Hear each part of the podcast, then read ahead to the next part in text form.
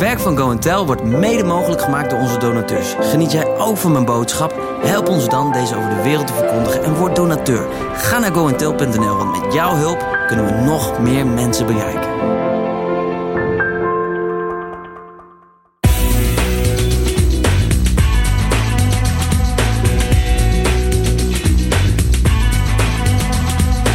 Welkom. In deze podcast ligt de vraag voor: was het Gods idee voor Petrus om op het water te wandelen? Of was het zijn eigen idee? Luister naar een van Davids favoriete verhalen. Maak je klaar voor Walking on Water.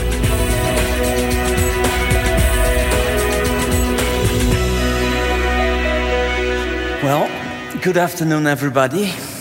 It is wonderful for me to be here, and it's an amazing privilege to be a part of this wonderful day. And I believe God is going to do great things in the coming days.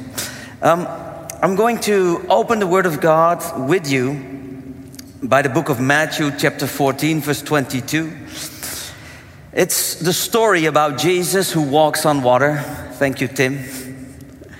Immediately, Jesus made the disciples get into the boat and go on ahead of him to the other side while he dismissed the crowd.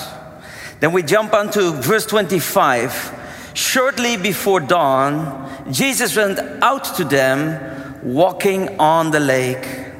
When the disciples saw him walking on the lake, they were terrified. It's a ghost, they said, and they cried out in fear. But Jesus immediately said to them, Take courage, it is I. Don't be afraid. Lord, if it is you, Peter replied, Tell me to come to you on the water. Come, he said. Then Peter got down out of the boat, walked on the water, and he came toward Jesus. Verse 30. But when he saw the wind, he was afraid. And he beginning and he began to sink and he cried out. He said, Lord, save me. Immediately Jesus reached out his hand and caught him. You of little faith, he said, why did you doubt? And when they climbed into the boat, the wind died down. Then those who were in the boat worshiped him, saying, Truly, you are the Son of God. Now, I don't know about you, but this is one of my favorite Bible stories. How many of you agree with me? This is just one of those wonderful Bible stories. You can just, a few, okay? There's a lot of good stories in the Bible, so pick whatever one you like. But this one is special.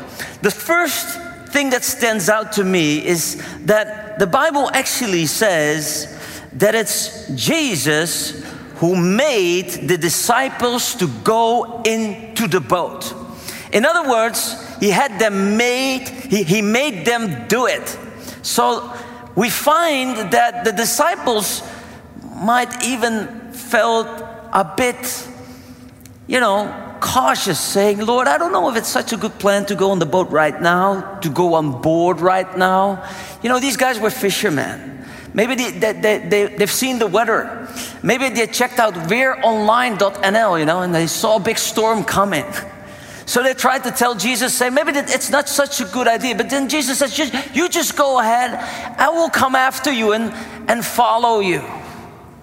While they were in the boat, many stadiums away from the shore, the Bible says there was a big storm coming up. And I can just imagine if they did not want to go on that trip, they started to murmur a little bit amongst each other and say, You know, I, I, I told you so tried to tell Jesus not to go this way, you know. Now we are here in the middle of the storm and he's not even here, you know. So these disciples, followers of Jesus, are in the middle of difficult circumstances.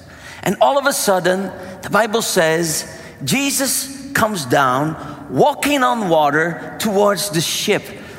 When we read the Word of God, it's like, you know, you could just read it like, and then Jesus walked on water. I mean, what? Jesus walking on water, and the Bible says that the disciples, when they saw him, they thought he was a ghost. And the Bible says, and they cried out full of fear. Ah, Peter, John, James, it's a ghost. They were so afraid. And then Jesus said, Calm down, it's, it's me.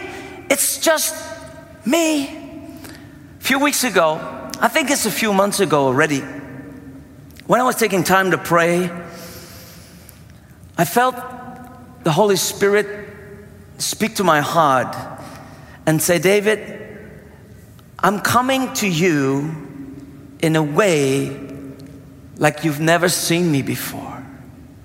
And I said, What do you mean with that, Lord? And this story came to my mind. The disciples knew Jesus for who he was, but they had never seen him walk on water before. And maybe this is true for you as well. You think you know Jesus, you think you've seen him do wonderful things, but now all of a sudden he appears in a way you've never seen him do what he does right now. And then I understood that my heart should be open for things that I haven't seen before.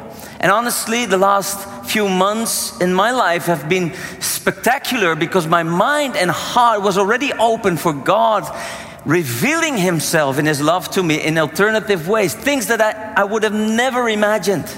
Maybe you are here today, you are inspired by everything you see. And I just challenge you to be open for whatever is on your heart. And then, of course, we have our favorite personality, Peter, who jumps up first in line and he shouts, Lord, if it's, if it's really you, then just command me to come to you and I'll come. And thankfully, Jesus just says, okay, come.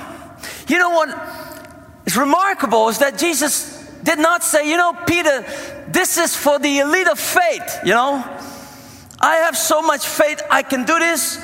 I suggest you would start on a Sunday morning somewhere on the beach where there's no wind, where there's no waves, where if you go through the water, you just easily touch the ground. Let's change the circumstance so you can learn what I do best. He didn't. He didn't change anything. He said, if you think you can do it, just come. And then, of course, we love the way Peter is, so he jumps out of the boat, walked over water I have this huge painting in my office of this moment. I see it every time I come into my office. It's like um, two meters by three meters. It's huge. And the artist decided that he draw he would draw Peter standing on top of the water instead of drowning. We always preach on Peter drowning. But let's not forget, this is the only guy that walked on the water besides all the other Dutch people that go out there when there's ice because we're good at that point. it's a miracle. And then the Bible says, but when he saw the waves, when he felt the wind, instead of, in fact, he, he, he, when he noticed the circumstances, he became afraid.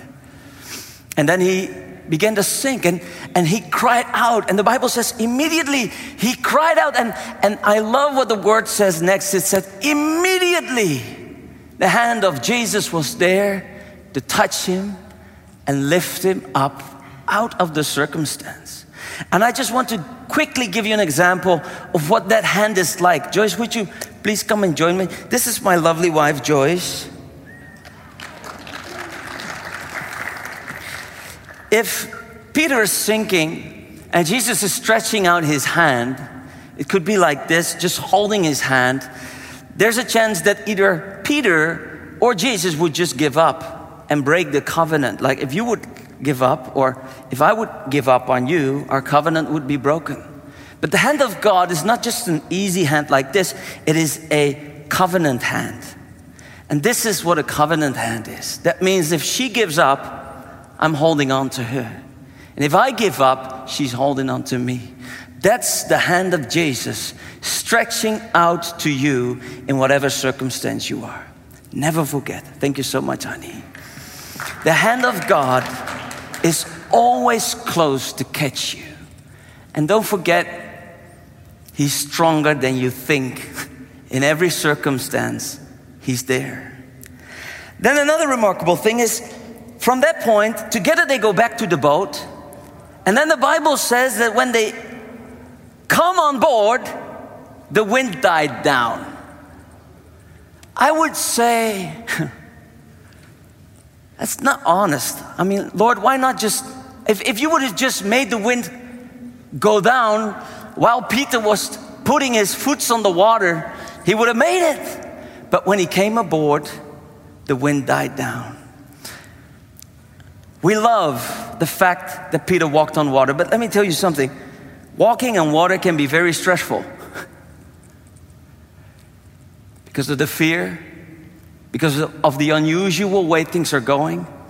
You know, I've been in many circumstances that felt like walking on water, but it can be very stressful.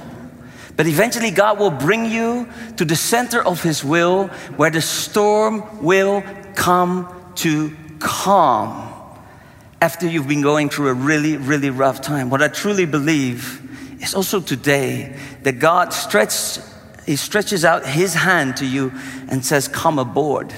I want to silence your storm.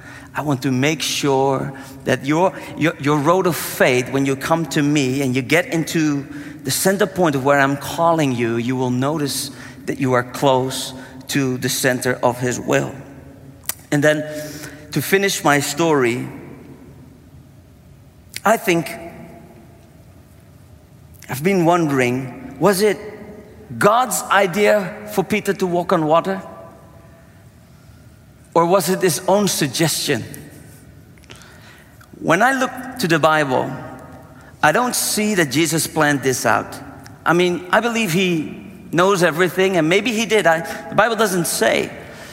But it's Peter who suggested to Jesus that he would come to him. And Jesus said, That's all right. Come on. If you think you can do it. Sometimes I think that we as human beings make steps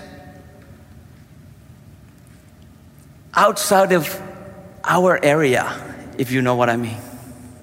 There's things that only God can do that we can never do. There's a realm of faith where only He operates. And He welcomes us in that realm, especially if we think we really can.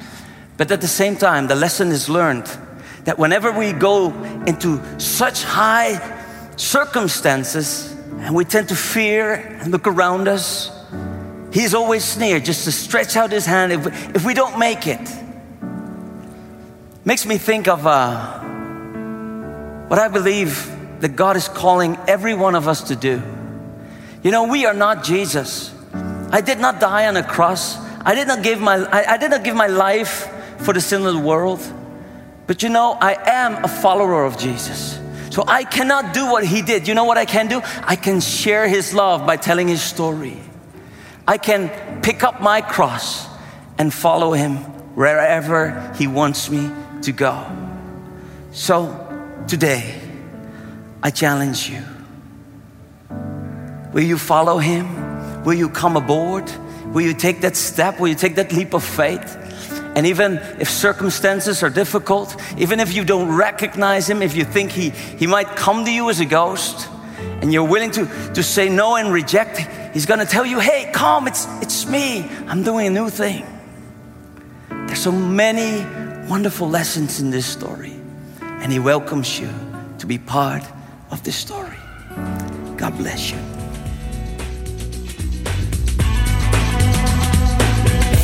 Hopen dat je hebt genoten en zijn altijd benieuwd naar je reactie. Stuur hem naar info@goentel.nl.